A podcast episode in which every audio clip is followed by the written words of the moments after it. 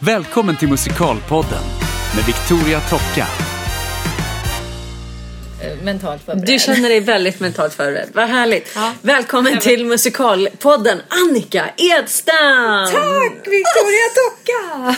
Och du är här med kaffe och du var i tid. Ja, två och en halv minut försenad var jag. Ja, faktiskt. men det gick ju ändå väldigt bra. Jag tycker att eh, det är godkänt liksom. Bra, det är en egenhet jag har. Jag tror alltid att jag blir, jag är väldigt rädd för att vara sen. Ja, Och det är tror jag också. Om jag är även en minut sen så upplever jag det som något jättestort. Varför gör du det? Jag vet inte, man vill vara duktig och på plats. Och... Ja, precis. Nej, men för jag har ju liksom fått den där ångesten från Adolf Fredrik. Ja, men det kanske är där som du började. Ja, för det var, gick du också AF? Ja. ja. För att jag hade det var ju liksom, man fick ju århundradets utskällning om det ens var 30 sekunder typ. Men det kanske var så som man Alltså förträngt jag, ja, jag har ju total så här, komma för sent fobi. Ja, Mm. för där lärde man ju sig också att eh, man kan ju sitta och... och jag, det är en, också en väldigt bra grej som jag fick med mig därifrån. Jag kan sitta och vänta hur länge som helst. Alltså jag kan i en repetitionssituation Ja, ja, ja. bara zooma ut Ja. och in i någon sorts liksom, bubbla av ingenting. Ja. Och den, det, det fick jag lära mig på Adolf Fredrik. Ja, Man och inte klaga. stod och inte klaga. Nej. Bara tyst Och vänta. och vänta. Ja, precis. Ja, men det är nog en AF-grej. Ja. Men eh, sen så, för att gå in på musikal då Ja. istället kanske. Så visst gick du Balettakademin? Det gjorde jag. Ja, Eh, i Göteborg. 1990 till 93 gick jag musikallinjen där. Ja. Och sen Och direkt. då levde Lia och allt. Då levde Lia. Ja. Och gick och rökte ibland också på vissa lektioner. Ja, ja, det, var- gjorde hon. var- Samtidigt som hon gick med typ sin Ja, syrgastub fast det bredvid. var lite senare. Jag fick Aha. aldrig uppleva syrgastuben. Jo då, vi hade syrgastuben och rökningen kombinerat. Det var faktiskt väldigt spännande.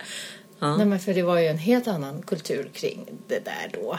När man kom till skolan så, var det, så, så kom man ju in i det rökmolnet som hade skapats från föregående dag. Det låg ju liksom kvar som en sån här äcklig, tjock, klibbig eh, sak som man skulle trängas igenom när Ja. man kom på morgonen därpå. Det var alltså helt grått. Det är en ganska stor, alltså kantinen där fram till Evas disk. Man såg inte Evas disk. Nej men gud. Jag kanske har förstärkt det Du kanske har förstärkt det lite. Men så kändes det i alla fall. Det var typ smog. Det var smog där inne. Ja, okej. Ja, det var det inte när jag gick där. Men jag minns att, att Lia rökte fast att hon gick omkring med syrgastub på någon liten kärra liksom. Ja, men när det redan är kört så, why not? Ja, men exakt. Ja, bara kör på. Ja, bara kör. Det tycker Ja, jag. det det är en bra inställning ändå. Ja, nu röker ju inte jag, men ja, jag vet inte. Nej. Har du rökt? Nej, Aldrig? aldrig. Men också så här duktighetsgrej tror jag från AF. Plus att jag tyckte det var väldigt... Jag provade någon och tyckte det var väldigt, väldigt äckligt. Ja. Och jag tror att det... Jag dricker ju inte kaffe heller. Av Nej. samma anledning. Att jag har provat och tyckt att det var superäckligt. Men hur gammal är du? 12! Nej jag skojar. Jag började dricka kaffe när jag var i 30-årsåldern. Jaha, nej men jag är 41 och jag har fortfarande inte... Nej, okej. Jag har ju verkligen provat liksom. Du vet så här, 10 delar mjölk och en del kaffe. Ändå inget gott. Jag har liksom aldrig förstått den här grejen med att tvinga sig att lära sig tycka om någonting. Alltså förstår jag menar? Som rökning eller kaffe eller så här. Det är ju inte så att jag inte har provat för man är ju ändå nyfiken. Men så är det äckligt så bara, Men det men då beror på skiter jag hur kär man är eller hur mycket man vill höra till också vissa år. Ja, så kan det vara.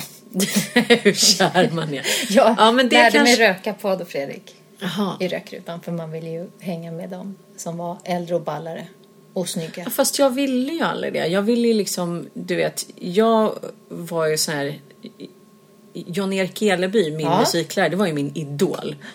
Alltså jag ville ju typ göra allting rätt för honom. Alltså hade han sagt typ hoppa ut genom fönstret hade jag sagt Oh. gjort det. Nej men du vet typ så. Jag tyckte han var helt fantastisk och jag skulle aldrig någonsin ha fått för mig att röka. Nej, du hade svikit honom. Ja, det hade inte gått alltså. Så att det blev aldrig så. Heja Men jag var ju liksom aldrig någon cool tjej.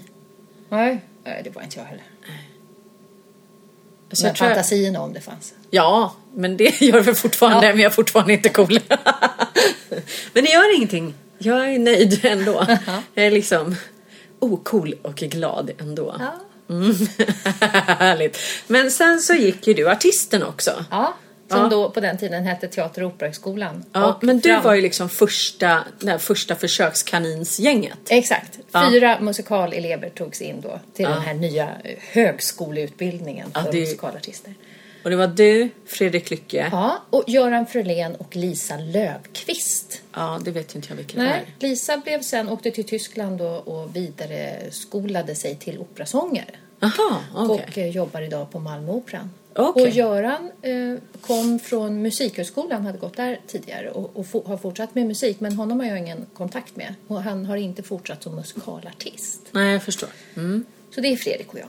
Ja, men ni har ju å andra sidan jobbat hur mycket som helst. Ja, det, ganska mycket faktiskt. Ja. Jag tittade, jag, nu, nu kollade jag på mitt, titt- tittade på mitt På ditt CV för att kunna för det är komma och podda.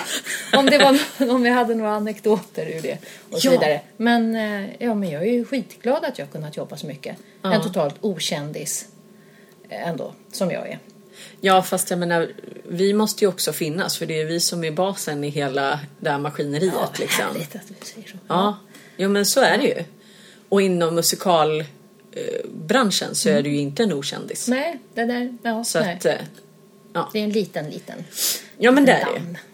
Ja, precis. Men vill du utvecklla din tid på eh, Balettakademin och artisten? Jag någonting? tyckte nog att, att de där tre åren på Balettakademin, jag upplever också att att dansutbildning är mycket mer konkret. I Ja. alla fall, så, det var min upplevelse då. Jag tyckte att jag fick ut jättemycket av de där åren Mm. på Balettakademin. Jag tyckte inte att jag personligen fick ut lika mycket eh, på, på Teater och Operaskolan. Men Nej. det var ju också att vi var första kullen. Ja. Så det kunde man ju förstås märka av. Men det är väldigt personligt eh, för mig. För jag vet att Fredrik älskade åren och, och, Ja. på skolan. Och kullen som kom efter oss Ja. eh, hade också en fantastisk eh, utbildning. Han hade redan utvecklats jättemycket. Ja. Bara från ena året till det andra. Till nästa liksom. Ja. Ja, jag förstår. Ehm, det, jag, jag tyckte det var, ju- det var en stor brist att det inte fanns så mycket dansträning. Ja.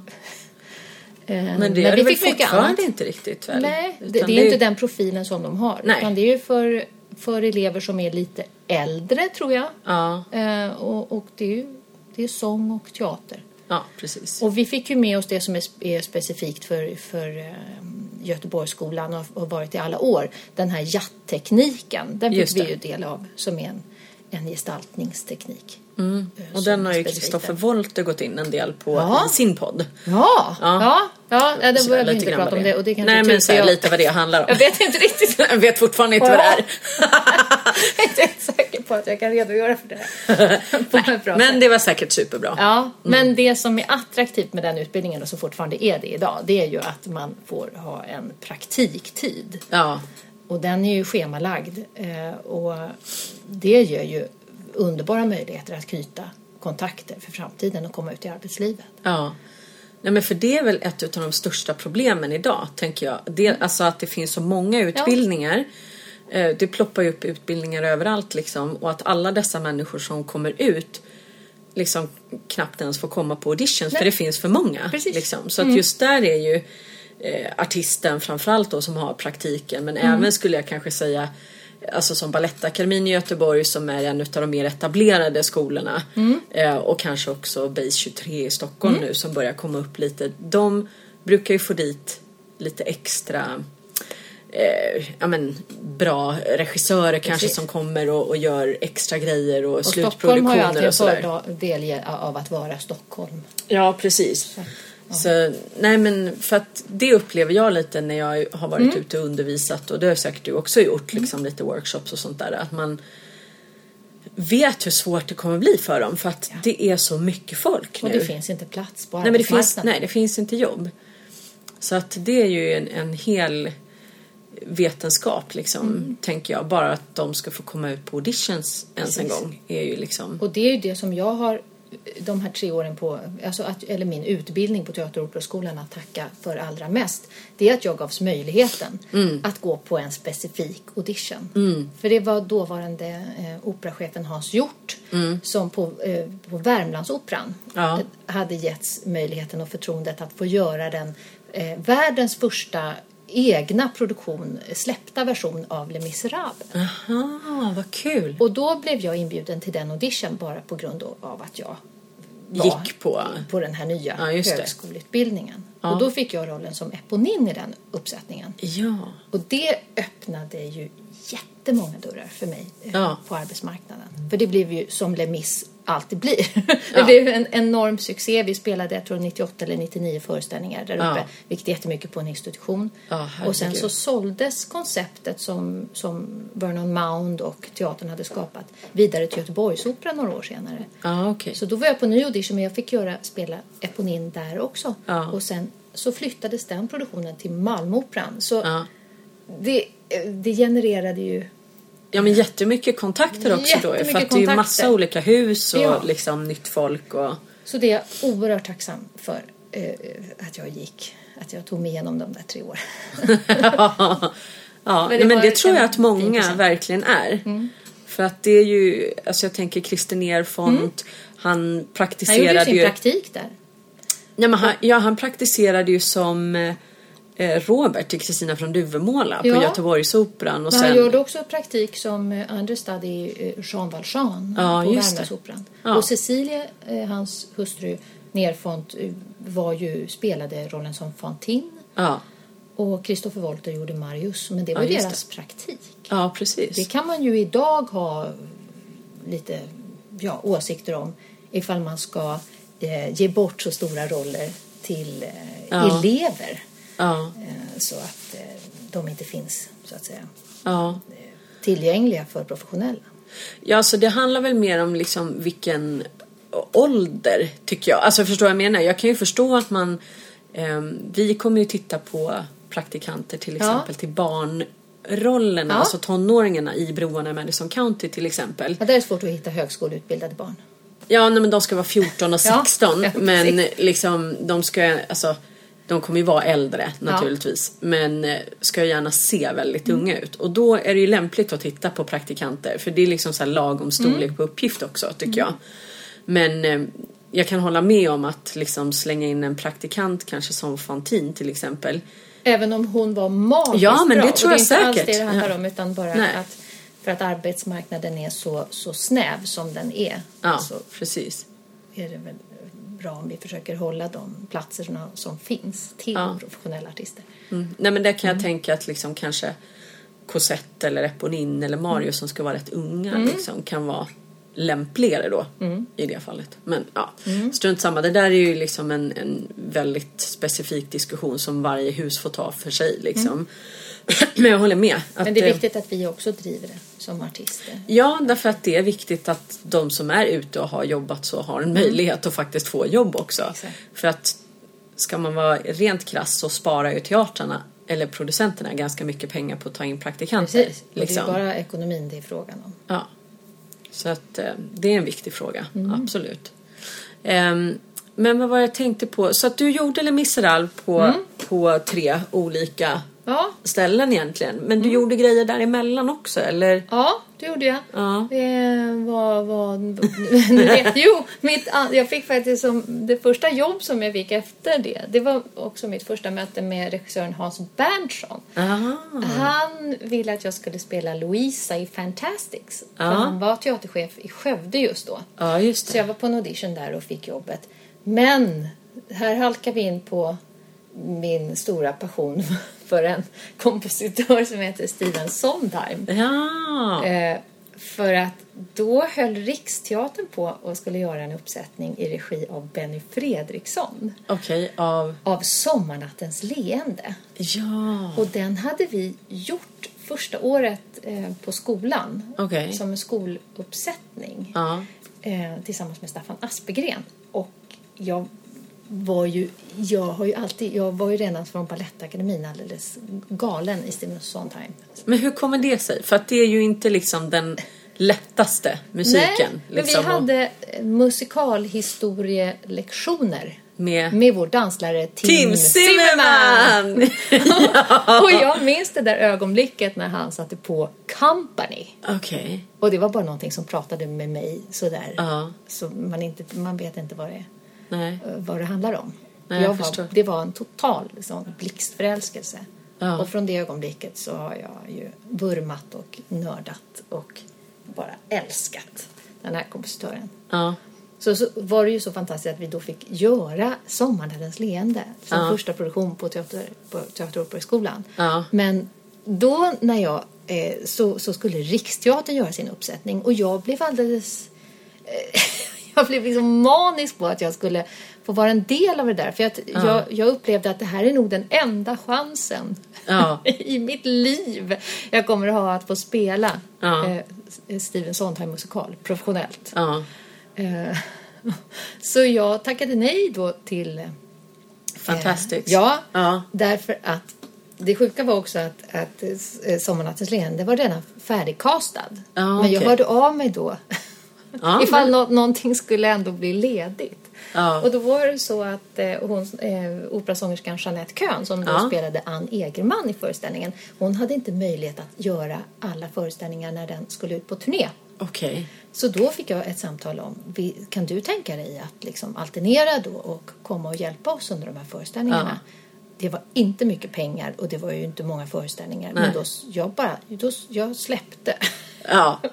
mitt erbjudna kontrakt Ja. för den här lilla möjligheten att få existera i en professionell uppsättning av Steven Sondheim. Ja. Vansinnigt. Ehm, Så det var mitt andra jobb. Ja men vad roligt. Men det är väl ingen, tänker jag, så här, klassisk Annika Edstam-roll heller? Eller är det det? Nej, jag vet Alltså inte. är inte hon Ja, lite sopranig? Jo, Ja. men jag är men det, nog- du kanske gör lite både och? Jag har gör lite dålig- både och. Ja, det måste man nog i och för sig om man gör sån här mycket. För det är ju liksom väldigt svårt och ganska alltså, stor, stort omfång ofta. Och liksom, Gud ja, på den tiden förstod Ja. inte jag hur svårt det var. Nej. Jag var naiv, tror jag också. Ja. Fortfarande och bara ville. Men jag hade ju spelat samma roll eh, på, i vår skoluppsättning. Ah, ah, okej. Så Ja, jag jag hade ett visst självförtroende där. Ja men det är bra. Mm. Och det är rätt skönt ändå med den här liksom, självförtroendet man har när man är ung och naiv. Ja. För att jag menar det är det man kommer med typ från skolan. Jag kommer ihåg så här. Jag har ju aldrig varit så fantastisk som jag var när jag gick på Balettakademin. Nej. Liksom. Och du vet så här, man satt och såg professionella föreställningar och bara ja det var mycket bättre i den rollen. Och sen kom nu Victoria 41 och bara nej det hade du inte. det hade du faktiskt inte. Men det är ju ändå någonting väldigt skönt och fint i det där. Liksom, att, Man har eh, inte så många erfarenheter, men man har all den där lusten. Ja, precis. Men var det så kul som du hade var- föreställt dig? Ja, det var, det var ganska galet för det blev ju så att det var inte så mycket repetitioner för mig. Nej. Det var min första upplevelse att ha någon sorts understudy-uppgift. Ja. Jag träffade en regiassistent i ett litet rum Ja, och kastade sen eh, typ ut på scenen i skarpt läge. ja okej. Det fick eh, en, en väldigt rolig konsekvens första föreställningen. För eh, Anders, eh, herregud, som spelade eh, min make då. Eh, nu har jag, jag har ju lite namnafasi. ja, men Anders någonting men i alla fall. Gud. Ja, han är väldigt lång. Ja, Ja. Lång-Anders. Lång. Säger vi. Jag är medellängd. Men den ordinarie eh, Ann Egerman, Ja. rollen, Ja. Jeanette, är Ja. också ganska lång. Ja. så de hade ju ett spel. I, i, precis i början av pjäsen så, ska, så kommer maken hem till sin väntande då, Hustru. unga flickhustru som är Ja. alldeles eh, upp, eh, uppjagad och lycklig över hans hemkomst. Och eh, då skulle de liksom falla i varandras armar där. Ja. Men jag med min, min adrenalinpåslag och kastade mig verkligen över. Lång-Anders. Nej, det är så stress. Nej, men alltså han är en sån fantastiskt fin skådespelare. Det, det- snart kommer Ja, det kommer snart. Ja. Eh, och, och med sån kraft. Då så att vi föll omkull. Vi, liksom, fortfarande så satt vi ihop och föll omkull. Och, och, och det blev sån otrolig fart så att vi rullade av scenen. så, eh, och rullade alltså ut i kulissen. Okej, ja, ja. Ja, eh, Drivna av min inre motor. Så. jag förstår. Och där låg vi eh, plötsligt med ansiktena mot varandra. I ett väldigt märkligt ögonblick och, och, och då tog beslutet då att ja, nu eh, rullar vi då Tillbaka. in på scenen och fortsätter. Det är jätteroligt. Alltså det var så galet. Ja, Men det var, det var väldigt roligt. jag förstår. Ändå. Ja, men och nu är det ju roligt. Nu är det Det är liksom som alla såna här grejer som händer som kan kännas liksom superjobbiga när de händer. Ja. Ja. men jag har ju också några såna här liksom klassiker från Fantomen till exempel. Ja. När de inte fick på diva operakjolen i Ja. Fin jag fick göra hela numret i sammetstrosor istället och så här. Eh, du vet som är helt vidrigt när det händer. Men nu 15 år senare är det jätteroligt. Man är tacksam. Nej, jag, tacksam vet jag inte men saker händer ju. Saker händer. Och eh, som sagt, man, man kan ju tycka att det är... Och det är samma sak med auditions, du vet så här vidriga auditionhistorier och så. Ja. Och precis när det har hänt och så här så vill man ju bara hoppa framför ett tåg. Ja, jag röka och dricka sprit. Ja. Även om man inte... Ja, men vad som helst liksom för att det är så himla hemskt. Ja. Och, men sen så, ja, fem, tio år senare då blir det ju en väldigt rolig historia när man sitter med kollegor till exempel. Ja. Sen man får se det så att man liksom bygger upp sitt så här roliga förråd med grejer. Exakt. Ja. Ja men då så, men då gick det bra i alla fall och det var en rolig upplevelse Det förutom rullandet och vad det nu var. Och det andra saker. Så efter det så fick jag då i alla fall, jag fick ju spela Sondheim. Då, då gick ju min hjärna igång. Ja. Och jag hängde då en del med Linda Söderholm, Ja. musikalartist, som var med i, i Sommarnattens leende Okej. eh, vid tillfället. Och vi, vår fantasi gick igång där om att vi skulle få till en uppsättning av Into the Woods. Ja. Eh, Så vi startade precis i, i, i den svängen em, ett musikalkompani. Okej. Som vi döpte till Stockholms musikalkompani. Ja. Och som på eget bevåg och ansökte om olika ekonomiska medel Ja. för att kunna göra detta. Men vi gjorde en fullskalig eh, uppsättning på Södra Teatern i Stockholm Ja. av Into the Woods. Med 16 skådespelare på scen och orkester. Och det blev en, en unik, fantastiskt fin uppsättning där Ja. alla till slut medverkande fick betala 500 kronor för sin, för sin medverkan. Ja. För den gick ju inte då runt. Nej, jag förstår. Mm. Men å andra sidan så tänker jag att i och med att jag också producerar Ja. mycket själv och har alltid gjort det i stort och smått. Att alla sådana där eh, projekt man gör är ju läropengar Ja. om inte annat. Och det låter ju som ni hade en fantastisk upplevelse. Ja, till slut. Det blev ju en, ja, som säger, en erfarenhet och att vi lyckades göra någonting unikt som Ja. jag tror att alla medverkande ändå är, är fortfarande idag väldigt stolta över, ändå om det kostade på. Ja, Och att man kanske behövde ha varit lite smartare. Ja. Inte bara full, fylld av så mycket entusiasm. Men det där är ju liksom så himla svårt. För samtidigt så...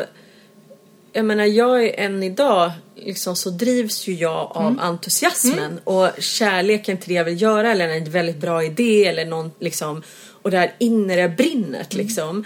Om jag inte har det då spelar det ingen roll liksom hur mycket pengar man eventuellt kan tjäna eller inte. Nej. För att om det där inte finns då är det ju skitsamma liksom. Nej, för man märker ju de lägena att, att, att pengar, ja nu var det väldigt sorgligt att det gick så långt att man Ja. skulle behöva betala För att jobba. Ja. för att jobba. Men, men, det, men när det är saker som man brinner för så är ju ekonomin plötsligt väldigt eh, lågt prioriterad. Ja, och jag menar så kan man ju inte ha det hela tiden. Nej, det är för man omöjligt. måste ju leva och äta och sådär. Men, ehm, nej, men jag tror att ska man liksom driva projekt Mm. överhuvudtaget då måste liksom den här lusten finnas i Lustbasen, grunden. Liksom. För man stöter på så mycket problem och grejer hela tiden tycker jag. Ändå. Mm. Så att om inte den där liksom grundlusten finns och det är ungefär samma sak som att driva sin egen karriär som Mm. artist. För det måste man göra. Alltså de som går ut skolan eller som eh, eh, liksom om man inte gör grejer själv, om man inte tar tag i saker själv, då kommer du aldrig att jobba Nej. liksom långsiktigt i den här Man branschen. hoppas att, jag har inte sån insikt i utbildningen men jag hoppas att det finns eh, inkluderat i utbildningarna. Ja, jag vet inte. Jag, alltså jag har ju undervisat lite på mm. Balettakademin här i Stockholm nu under hösten. Ehm, egentligen väldigt tydligt när det gäller det här med eh, alltså, att driva egna projekt Ja. och entreprenörskap när det gäller att vara sin egen. För man är ju oavsett om man startar företag eller inte så är du ju ditt eget företag som frilansande artist. Så enkelt är det liksom. Ehm, och de hade nog inte stött på det tidigare i alla fall. Och jag vet inte hur mycket, om det finns liksom i läroplanen egentligen. Borde ju vara väldigt högt prioriterat. Ja, man tycker ju det. För jag kan ju se på, och det gäller säkert dig också, men jag tänker på de man har gått i skolan med och de som fortfarande, om man säger när man, eh, alltså det sållas ju ur längs vägen, om man säger så. Och de man ser som fortfarande jobbar väldigt mycket liksom efter 10 år, efter 20 år. Det är ju de som har drivit och gjort saker själva också och drivit sig själva på ett liksom mer specifikt sätt liksom. För jag tror att annars blir det jättesvårt och då blir det för jobbigt och för tungjobbat liksom. Men du har ju drivit väldigt mycket Ja, själv känns det som. jag, jag har ju har ju inte varit så där.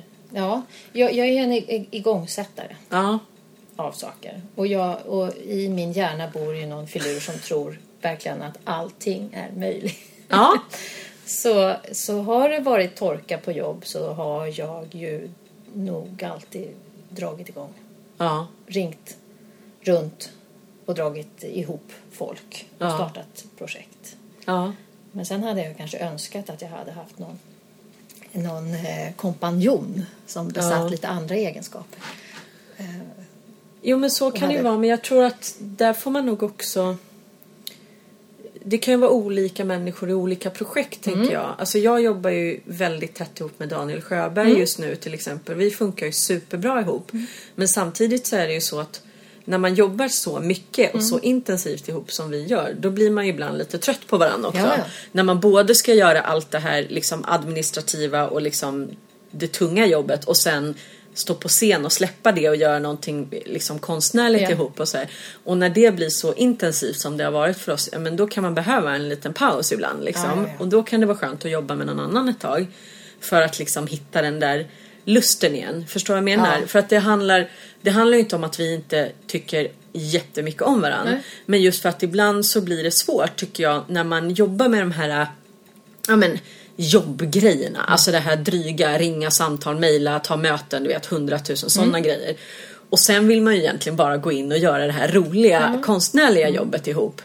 Och det kan jag känna att det ibland blir lite lidande när man har hållit på med Gud ja. allt det här andra tungjobbade.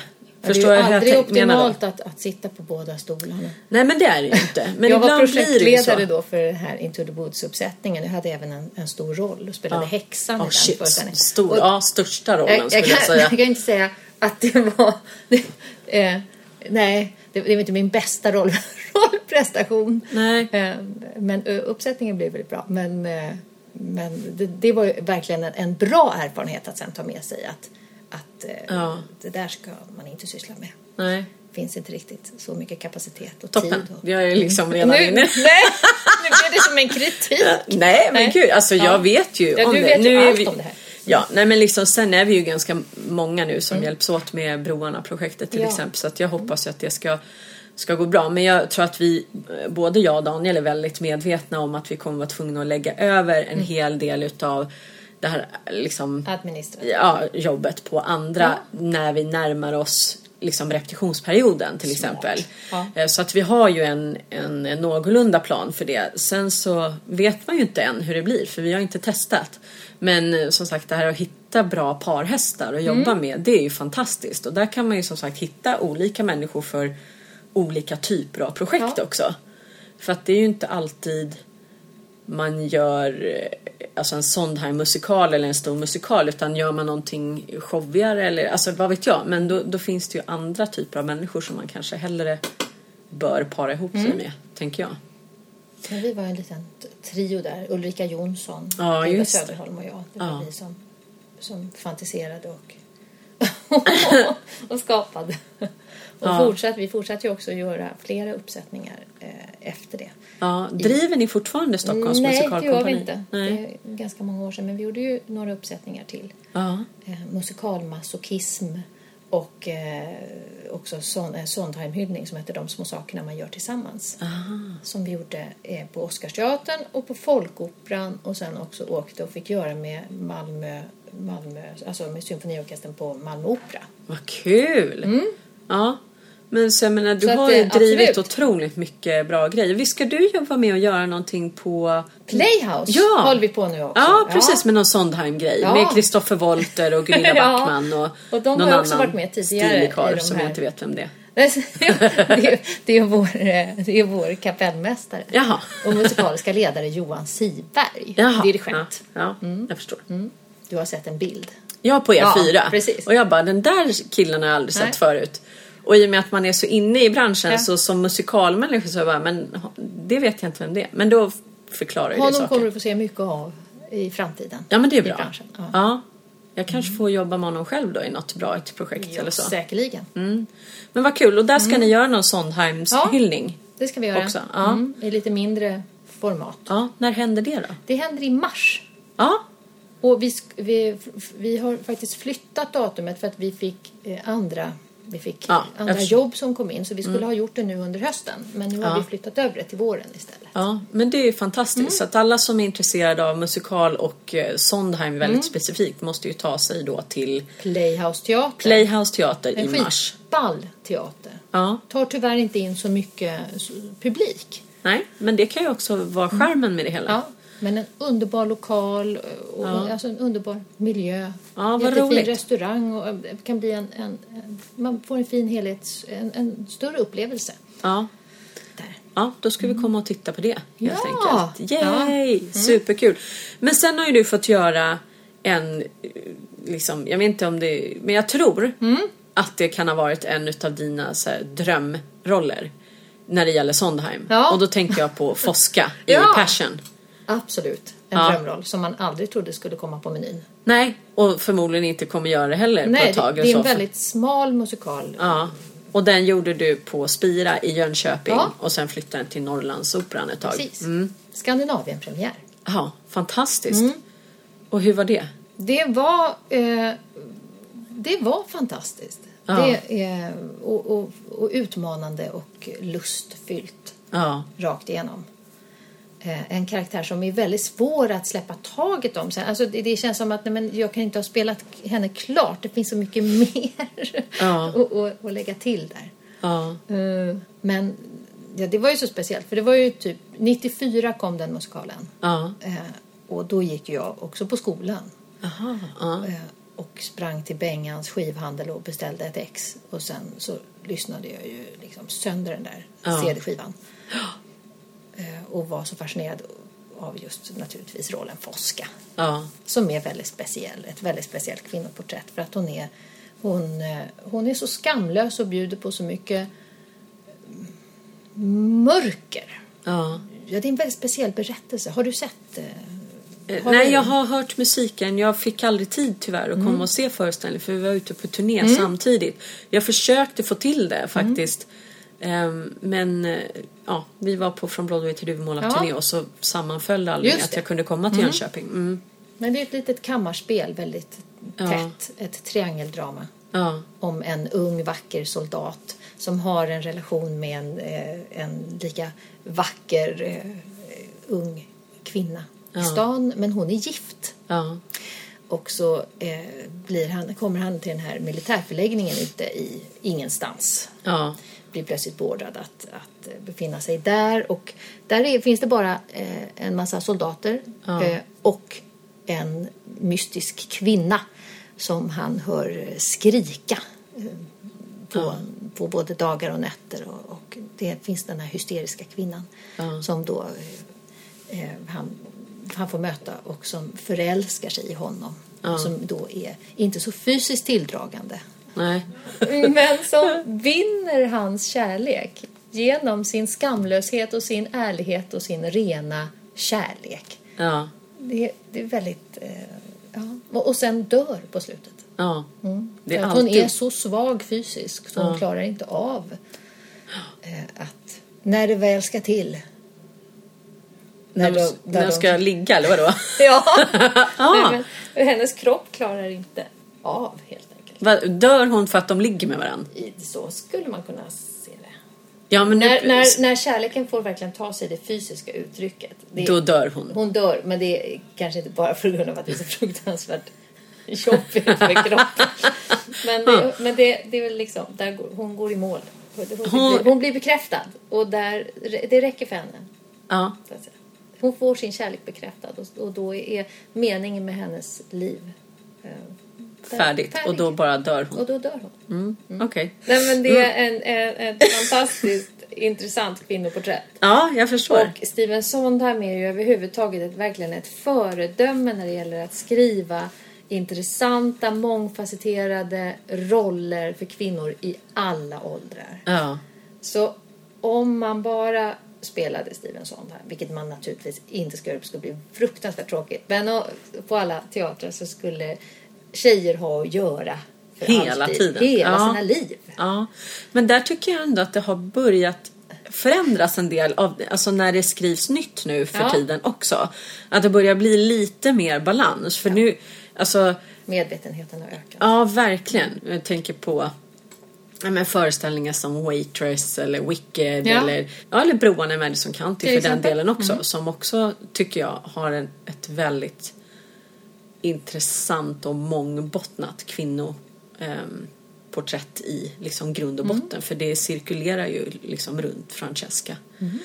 Det är en ja, jättespännande roll och en jättefin eh, och jobbig berättelse. Mm-hmm. Men eh, ja, kul ändå att det liksom skrivs mycket för, för kvinnor och så. Men nu har ju du gått vidare, i alla fall just precis nu, Mm. och eh, är regiassistent. Ja! Hur blev det så? Nej, men det, det handlar om att jag, jag har jobbat väldigt mycket de senaste åren Mm. och varit på, som vi musikalartister är ju ett resande folk. Ja. Ett resande folk. Ja. vi, vi är otroligt arbetsvilliga och eh, det van, ja, eh, livet ser ut så att man pendlar Ja. sex timmar till sin arbetsplats. Det är liksom inget, det är inget konstigt för en musikalartist. Man Nej. åker till Malmö Opera eller ja, man åker över hela landet för att kunna jobba. Och där kände jag mig lite sliten. Mm. Och sen också faktiskt trött eh, på att alltid ha det här fokuset på mig själv. Ja. Jag ville använda andra delar av hjärnan och, och just kunna släppa fokuset på, på mig och mitt artisteri Ja. en liten stund. ja, jag förstår. Så jag, det är väl modernt att säga att man affirmerar. Mm. Men jag pratade nog väldigt mycket, har pratat mycket med mina vänner om att jag ville få ett annat fokus och, och fortfarande finnas, liksom jobba i branschen men få titta från kanske andra sidan. Ja. Så plötsligt dök den här möjligheten upp på Stadsteatern i Stockholm Ja. där de skulle ha nypremiär på Billy Elliot Ja. och plötsligt eh, saknade regiassistent. Jaha. Ja. Så då så eh, erbjöd jag mina tjänster och fick det jobbet. Eh, Vad kul! Så jag kom in, de hade tre veckors upprep då på det. Mm. Så jag kom in efter två veckor. Ja. Eh, och, och jobbade först då tillsammans med den dåvarande regiassistenten Ja. som då lämnade över till mig. Ja. Och det här har ju varit så fantastiskt roligt och helt galet. Och jag stormtrivs. Ja. Jag inte alls, eh, jag, jag känner mig inte alls när jag är på jobb. Jag har ingen liksom, det pockar inte på någon lust att jag ska gå upp på scenen. Nej. Så, utan det Nej. där är, det, den dörren i hjärnan är just då väldigt stängd. ja. Ehm, men, Men kan vi förklara för Ja. de som inte vet vad en regiassistent gör? Ja, vad gör en regiassistent? Det, kanske, det kan vara lite olika. Det beror på i vilket skede av en produktion som du arbetar med. Ja. Ehm, när det gäller i, om du är med från produktionens start. Då Ja. handlar det ju jättemycket om att till exempel skriva schema Ja. för alla medverkande. Och eh, för Ja. repetitionsscheman. Det har jag ju inte behövt göra då. Men det jag gör Ja. är eh, att jag måste, jag måste ju kunna föreställning väldigt väl. Eh, och sen så har jag också i den här uppsättningen är jag också jour, en jourperson. För att det Okej. finns så många barn i den här föreställningen. Ja, just det. Eh, så jag tittar på alla föreställningar. Jag Ja. sitter i publiken och jag har nu sett 45 stycken Billy Elliot-föreställningar. Ja. Jag är inte trött än. Nej. Det händer små saker och det utvecklas hela tiden. Men så jag är på plats varje föreställning och, och eh, jag är också den personen som skriver schemat för varje dag för eventuella repetitioner och eh, in, inhopps... Ja, ett inhoppsschema. Ja. När det är så många människor så är det också väldigt många som kan bli sjuka. Ja. Så vi har oändliga möjligheter av kombinationer av eh, då, människor som, ja, jag förstår. som kan behöva komma in och repa och göra Ja. föreställning. Har det varit något krisläge än? När det har varit så här, hur, Ja. hur pusslar jag nu? Ja, jag hade en dag då det, det, vi hade ganska mycket sjukdom. Det har varit som en sjukdomsvåg i ensemblen med mycket Ja. förkylningar.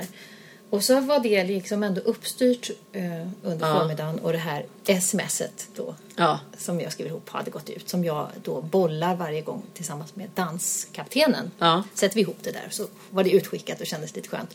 Just den här dagen så skulle vi få en ny skådespelare in i föreställningen som skulle spela pappan. Alltså en Okej. jättestor roll. Ja. Eh, det var Lasse Wäringer som tidigare hade spelat pappan i Malmö. Han skulle återvända till föreställningen. hade inte varit Okej. där på väldigt länge. Så jag hade ju avsatt tid för repetitioner Ja. den dagen tillsammans för honom. Ja. Men då var det ju så att en, en skådespelare till föll bort precis eh, Oj, okej. när jag skulle gå in och repa med honom. Så det var ganska så här, kritiskt läge. Ja. Eh, för att då gäller det ju att, att liksom göra sin felsökning. Man måste kolla vad är det för rekvisita, vad är det för scenerier Ja. som nu behöver fyllas upp. Så då ringde jag in vår, vår tidigare regiassistent som fanns i stan. Ah, okej. Så jag kunde sätta honom på, på den specifika uppgiften att, att kolla det. Och så fick jag eh, göra mina repetitioner Ja. med, med Lars eh, och på samtidigt stå, stod jag i en skrubb. för det var också på banan att vi kanske behövde ta in eh, ytterligare skådespelare för att fylla ut från eh, Stadsteaterns ensemble. Så det var en väldigt rörig dag. ja. Ja. Men det löste sig och föreställningen Ja, rullade absolut. på. Ja. Men det är ju det det handlar om. Ja, det är att och på Stadsteatern så, så är det så att på stora scen så ställer, ställer man inte in föreställningar. Nej. Och skulle det hända så då, då erbjuds publiken en ny, alltså en, en ny föreställning. Då måste man ställa upp med en ny föreställning. Ja, just det.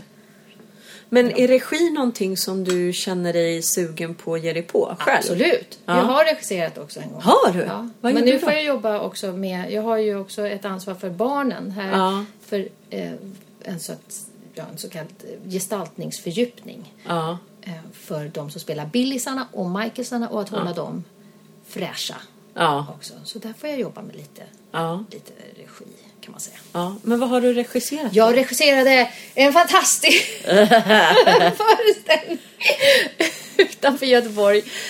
Mimers husteater ligger i Kungälv Okej. och är, har en stor fin scen och också en musikalutbildning på gym, gymnasial nivå. Okej. Eh, och där fick jag ett erbjudande, det måste vara 2007, att, att pröva om jag kunde då regissera skolans eh, slutproduktion Okej.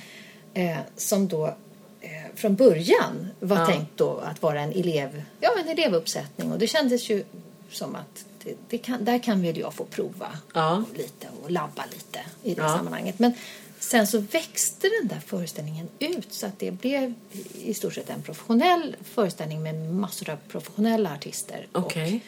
och, och eh, eleverna i, i mindre Ja. roller då. Ja. Vad gjorde ni för föreställning då? Jekyll and Hyde. Nej! Wow! Det var ingen, ingen, inte en musikal som jag... Jag valde inte musikalen. Nej, jag och jag var heller inte involverad i någon form av casting. Utan det var liksom... Jag fick väldigt mycket i mitt knä. Jag hade Ja. ingen erfarenhet. Nej. Jag hade ingen regiassistent. Eh, vi, vi träffades lite sporadiskt och repeterade den här på tider då när folk Ja. hade möjlighet att komma till okej. Kungälv. Men det var en, det var en jättebra erfarenhet. Ja. Som faktiskt gav mer smak. Ja, vad kul. Men om du, fick, eh, om du ska regissera igen Ja. och fick liksom välja drömprojektet, vad vill du göra då? Då är det nog sådär att det blir West Side Story. Va? Ja! Av alla grejer? Ja. Varför då? Därför att det är min första kärlek. Okej. Det är en så stark historia och ett så starkt drama och så fantastisk musik Ja, och allt. Eh, och jag har ännu inte sett eh, den uppsättningen jag skulle vilja se. av- Nej, jag av förstår. West Side Story. Så den, Spännande. Ja. Ja. det är lite Sondheim, men jag trodde faktiskt du skulle säga något Sondheim. nej, Nej. Det är faktiskt West Side Story. Nu är ju Stevenson, han är ju Jo, textförfattare jag menar det. Precis. Så han är ju lite med där ändå liksom. Så mm, det får väl det får väl gälla då som någon slags här Sondheim-twist Ja, på det hela ändå. men det är den som... Oh, Ja. det, det, det är den som jag måste förbi.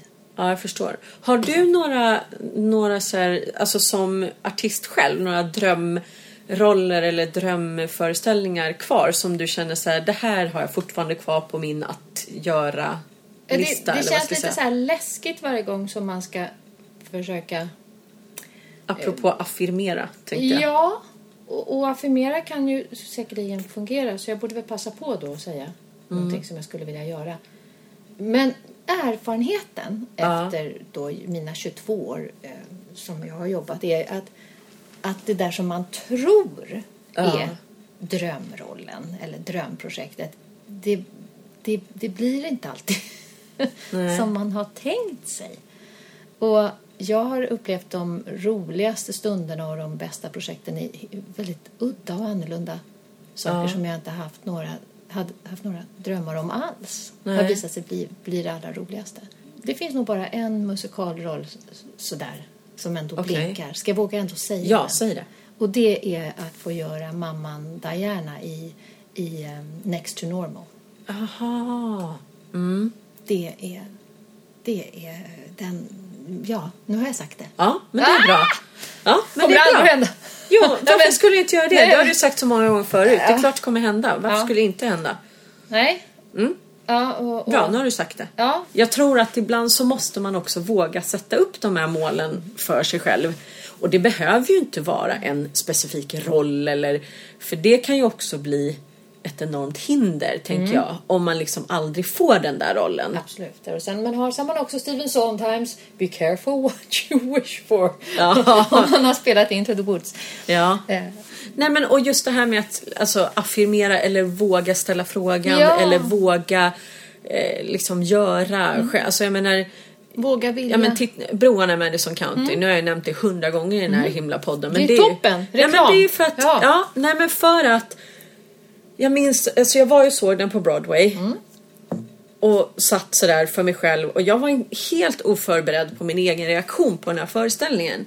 För jag satt alltså du vet så här totalt snorgrinade och hade inte ens med mig någonting att torka mig med typ. Eller det hade jag inte. Och sen så fick jag veta att den skulle stänga så då gick jag på sista föreställningen och då träffade jag eh, Jason Robert Brown efter föreställningen. Och eh, då slänger jag liksom bara ur mig så att ja, nej men om den någon gång kommer till Sverige så alltså jag måste bara få spela det här. Det är helt fantastiskt liksom. Och han är så ja det kommer inte hända på tio år minst liksom. Det tar så lång tid innan saker händer. Nej men du Ja. vet sådär. Och då var det någonting som bara tändes i mig att bara nej, då får jag göra det själv. Ja. Och nu, jag tror fortfarande inte riktigt att jag har liksom fattat att det ska hända. Förstår vad jag menar? Och jag tror att när vi väl kommer dit så kommer det bara liksom säga du vet, chopp och så är allt slut. Och om ett år, om ett år idag, då är det över. Och det kanske tycker jag känns skitläskigt också. Så här, men du vet att ja, men då har jag i alla fall fått göra det och sen hur det blir eller så, det vet jag ju inte än. Men då har jag i alla fall gjort det. Ja, du har, det är du som har gjort det. Ja, du visar ju, du blir ju en förebild i att, att det går att få drömmar att bli verklighet på, e- alltså, av eget. Man, man behöver inte sitta och vänta på att bli Nej men det uppbjuden. går inte att sitta och vänta på att bli uppbjuden för det händer så otroligt sällan. Även fast du har jobbat så mycket på många olika institutioner så är det ju det häftiga med Annika Edstam är ju att du ändå har gjort så mycket grejer däremellan för att det hela tiden ska flyta på. Ehm, och sen tänker jag också, det vill jag jättegärna att du berättar om. Det här, du fick ju ett jättefint pris i Ja, våras va? Jag blev super, super glad. Det var, eh, det var då... Eh, det finns en stiftelse Mm. som heter Anna-Lisa Eriksson stiftelse. Ja. Eh, Och de eh, tilldelade mig då eh, Anna-Lisa Eriksson, Eriksson stipendiet. ja. Och vad går det ut på? Det går ut på att eh, de åker ju runt. De, eh, Styrelsen för Ja. stiftelsen åker ju runt i, över hela landet och tittar på alla musikaluppsättningar som görs Ja. eh, i alla små avkrokar och på stora hus. Och lyfter ju då upp varje år en kvinnlig artist. Och är det främst musikalartister vi pratar Ja, om då? därför att eh, artisteriet ska ju på något sätt eh, förkroppsliga eh, Anna-Lisa Eriksson och det som Ja. hon eh, och hennes, eh, alltså spegla hennes artisteri. Ja, just det. Och, och för mig var det fantastiskt roligt och en jättestor ära för Anna-Lisa Eriksson var verkligen en förebild för mig. Ja, vad roligt. Hon var ju den svenska motsvarigheten till Judy Garland och, och Ginger Ja. Rogers. Fantastiskt. Så att det, det, jag blev ju super, super glad. Ja. Eh, Fick du någonting mer än äran? Ja, man fick pengar också. Pengar är bra. Ja, Ja. 50 000 kronor. Shit! Ja, Vad har du gjort med dem? de har jag, eh, de har har liksom blivit utportionerade på lite olika saker. Ja. På lite sång, faktiskt sångcoaching och sen åkte jag till New York Ah, i våras och tittade på lite sonda. lite Sondheim. Vad tittade du på då? Jag såg en liten uppsättning off, off Broadway, eller eh, på off Broadway får man säga, av eh, hans musikal Pacific Overtures. Okej. Eh, och sen såg jag också Sunday in the Park with George som har varit Ja. en jättes...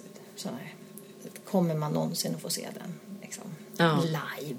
Ja. Hur Så- var det då? Ja, den motsvarade faktiskt alla mina drömmar och Ja, förväntningar. vad roligt. Och jag var ja. där tillsammans med min kollega Mari Leberg Fossum som Ja. också har eh, musikalartist och, har och gick på Teater och Operaskolan långt senare. Ja. Eh, Och som också mig. spelar med dig i Passion. Och som spelade med mig i Passion och som i sin eh, eh, slutproduktion på skolan Mm. gjorde rollen Dot i Sunday in the Park with George. Så att vi satt där, du vet, och, Ja. och grät Ja. och var så uppfyllda av detta. Så det, Ja, var, det gick också en del Ja. pengar till den resan. Ja, jag förstår det. Men det är ju fantastiskt när man kan Mm. få de eh, möjligheterna, alltså via stipendier och så, att kunna Ja. åka och göra de här eh, Och att sakerna. det finns, jag, jag, jag älskar att de, att, de, eh, att de åker runt och, och, Ja, verkligen. och, verkligen, och ser folk. Så Ja. att, det, är, att, inte Stock, att det inte bara är så Stockholm, Stockholm, Stockholm utan de, de, de finns där i publiken på alla föreställningar. roligt. Så det ska bli spännande att se vad som... Ja, verkligen. Som får nästa år. Va, vad har du för eh, framtidsplaner nu då? Ja, nu ska jag fortsätta att jobba på Stadsteatern faktiskt eh, under våren också. Okej. Eh, för, och riktigt i vad och hur eh, är inte riktigt klart än. Okej. Men jag, vill, eh, jag är också jättetacksam för att jag får ge den här nya upplevelsen och de här erfarenheterna lite mera tid. Ja. För jag har trivts superbra. Ja, vad kul. Och det är en sån ball arbetsplats. Och skönt Där man helt också plötsligt- då Man ramlar hemma. in i saker hela tiden också Ja. för att det pågår så mycket. Ja. Nej, men och skönt också tänker jag faktiskt få vara hemma i Ja, Stockholm då. och så göra konserter och eh, Ja. som jag kan styra själv och inte känna just att jag, jag måste eh, ta mig till jobbet via Centralen eller Arlanda. Nej. Det betyder jättemycket för mig. Ja, jag nu. förstår det. För nu är jag ju ändå lite äldre. Och resandet i sig själv är en väldigt, det, det är väldigt stressande för Ja. kroppen. Ja. Det är inte jobbet i sig, men resandet och att bo i, i små gästlägenheter och aldrig liksom få vara Få landa få hemma landa. och ha ett hem Ja, liksom. Så Mm. jag, jag njuter verkligen av att kunna gå till jobbet.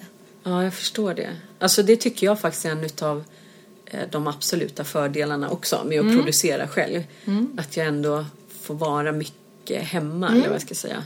Sen Mm. Ja, väljer jag ju själv när jag åker, eller liksom på det sättet Ja. med turnerande och liksom sådär. Men att ändå har en tydlig bas Ja. och det är jätteskönt tycker jag. Ja, för då, om man, om man får, kan få hitta de här andningshålen Mm. och få landa i sig själv så har man ju, då, då kommer ju lusten tillbaks också.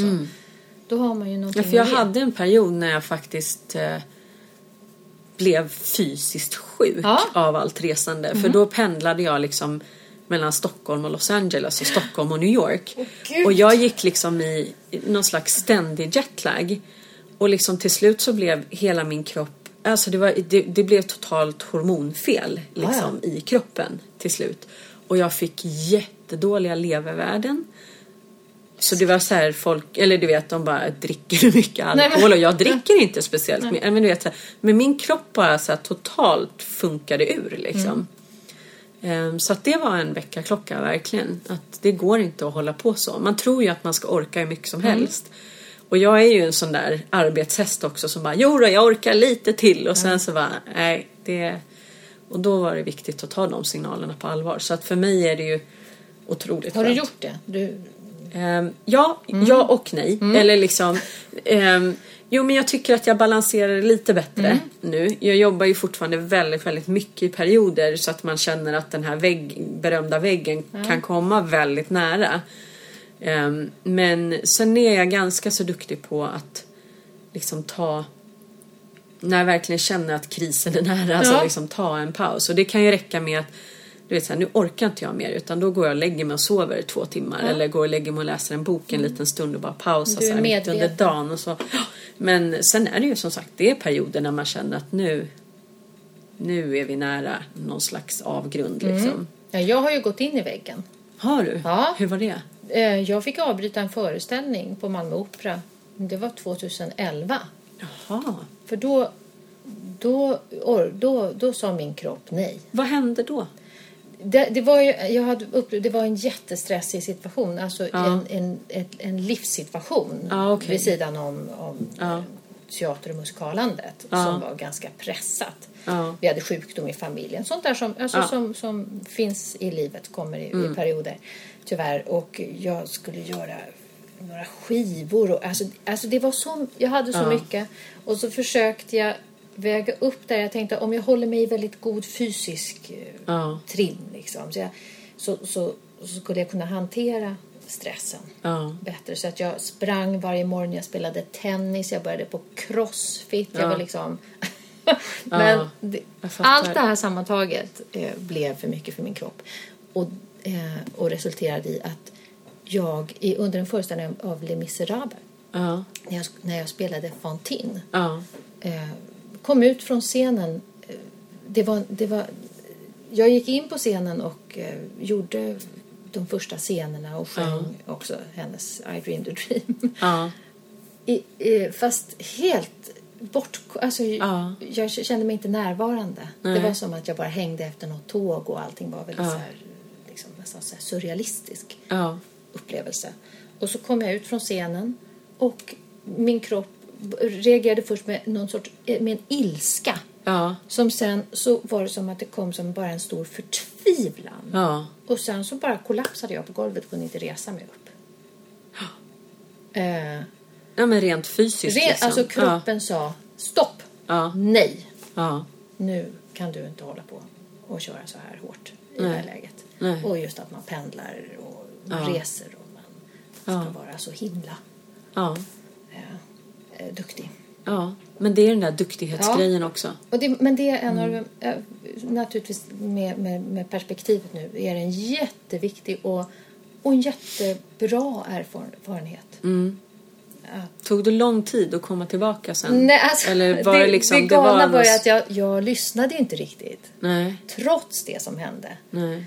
Eh, utan det gick ju några, någon månad och sen fick jag diskbråck.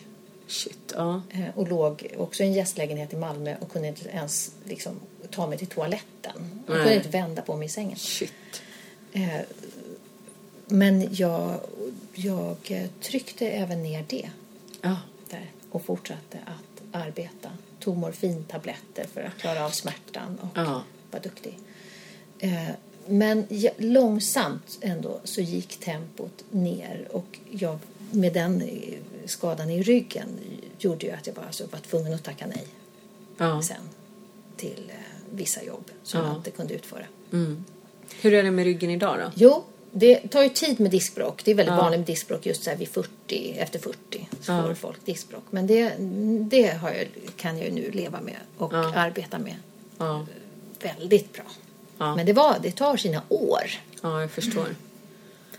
Men just det, jag fick jättemycket stöd där på Malmö Opera. ehm, för, för att det är ju det som har varit den största... Man är ju uppfostrad i att the show must go on. Ja, ja, det är gud, liksom ja. det största nederlag som man kan Ja. råka ut för är att man, att man liksom... Man måste avbryta, att man inte kan gå på. Men det fick jag uppleva och, och, och det har gett mig jättemycket för att jag fick ett enormt stöd från teatern. Och, och the show går liksom, det, det ordnar sig. Ja. Du är inte viktigast i hela världen Nej. i varje situation. Nej, och det tror jag är en väldigt bra Ja. läxa också. Ja. Jag hade- vi hade alla tur, för är var- utbytbara. Vi är utbytbara liksom. och det är någonting också som är positivt och som kan Ja. ge en styrka. Man ska inte vara rädd för att man har en understudy eller Nej. eh, det är ju en möjlighet för en att, Ja. att kunna bara arbeta eh, utan den här eh, ja. liksom, Men det där tror jag också är en, en sån mognadsgrej lite grann. Mm. För att jag, jag ställde ju inte in en enda föreställning i Phantom på Nej. två år. Jag spelade alla mina föreställningar. Ja. Alltså, Varför? Var det, var Nej, men- Finns det föreställningar som du hade på något sätt i efterhand önskat att "Nej, men det här kunde jag väl ha gått av? Det var Ja, alltså jag spelade ju flera föreställningar med ganska hög feber till exempel. Men liksom tog ju rätt mycket eh, alltså verk, eller du vet sådär Ja. febernedsättande och sådär. För min inställning var att så länge jag kan sjunga det bra Ja. så att publiken får en bra upplevelse, då spelar jag. Mm. Eh, så att jag menar, hade jag haft liksom, ja men röstproblem eller alltså hosta, du vet någonting Mm. sånt, då hade jag inte gått på. Men däremot så, ja men jag spelade på liksom. Men Mm. det var mer, dels tror jag en envishet eh, och för att jag älskade att spela den där rollen. Ja. Eh, och liksom, nej men det var lite så här. Varje föreställning var liksom en föreställning mindre jag fick spela sen. Alltså förstår du så här? Mm. Ja. Ja. ja. Så att ehm, det var nog väldigt tråkigt att vara understudy åt mig. Tror jag. Mm. Men eh, För ni gjorde ju så många föreställningar i veckan. ja, precis sex. Ja, det är ju väldigt mycket. Ja, det är ganska mycket med svenska mått mätt i alla fall. Jag har ju jobbat i Tyskland där vi spelar åtta i veckan också. Det är ju vidrigt. Men eh, det hade jag, eller ja, som Kristin hade jag nog inte orkat åtta i veckan för det är en väldigt, väldigt tung föreställning för Ja. Kristin. Eh, men jag gjorde ju andra föreställningar eh, åtta gånger i veckan och det var ju inte så roligt faktiskt. Nej, det är ju en stamina men... men... Det är bra att ha gjort. Jag Ja, det är en jättebra erfarenhet Ja. och, och det är bra att ha gjort det. Och jag skulle kunna tänka mig liksom att göra så många kanske under en kortare period. Mm. Men jag spelade ju då ett års kontrakt liksom med åtta föreställningar i veckan. Det är jättetungt. Ja, Men då hade man å andra sidan andra eh, anställningsvillkor. Så vi hade ju fem veckors betald semester och du vet sådana där grejer. Så att eh, det var ju väldigt mycket bra med den typen av anställning också. Så att, eh, mm. Men eh, vad kul att du har varit här och pratat om alla dina bra erfarenheter och i musikalpodden. Och eh, alla som är intresserade av musikal och kanske framförallt Sondheim då ska gå till Playhouse Jag håller teatern. ögonen öppna. Vi kommer att Eh, göra Ja, ni kommer säkert hitta det på. Facebook och sådär. Ja. Sociala medier. Annika Edstam på, vad, ska för, vad heter föreställningen? Sondheim Delight. Sondheim Delight på Playhouse Theatre i kanske mars någon gång. I mars. Ja, Nu, jag har ju datum men, men det minns jag att jag inte heller har. det minns precis. hon inte just precis nu. Nej. Och eh, vi kanske kan ta reda på vem Lång-Anders är också. Tack snälla Annika! Musikalpodden med Victoria Tocka.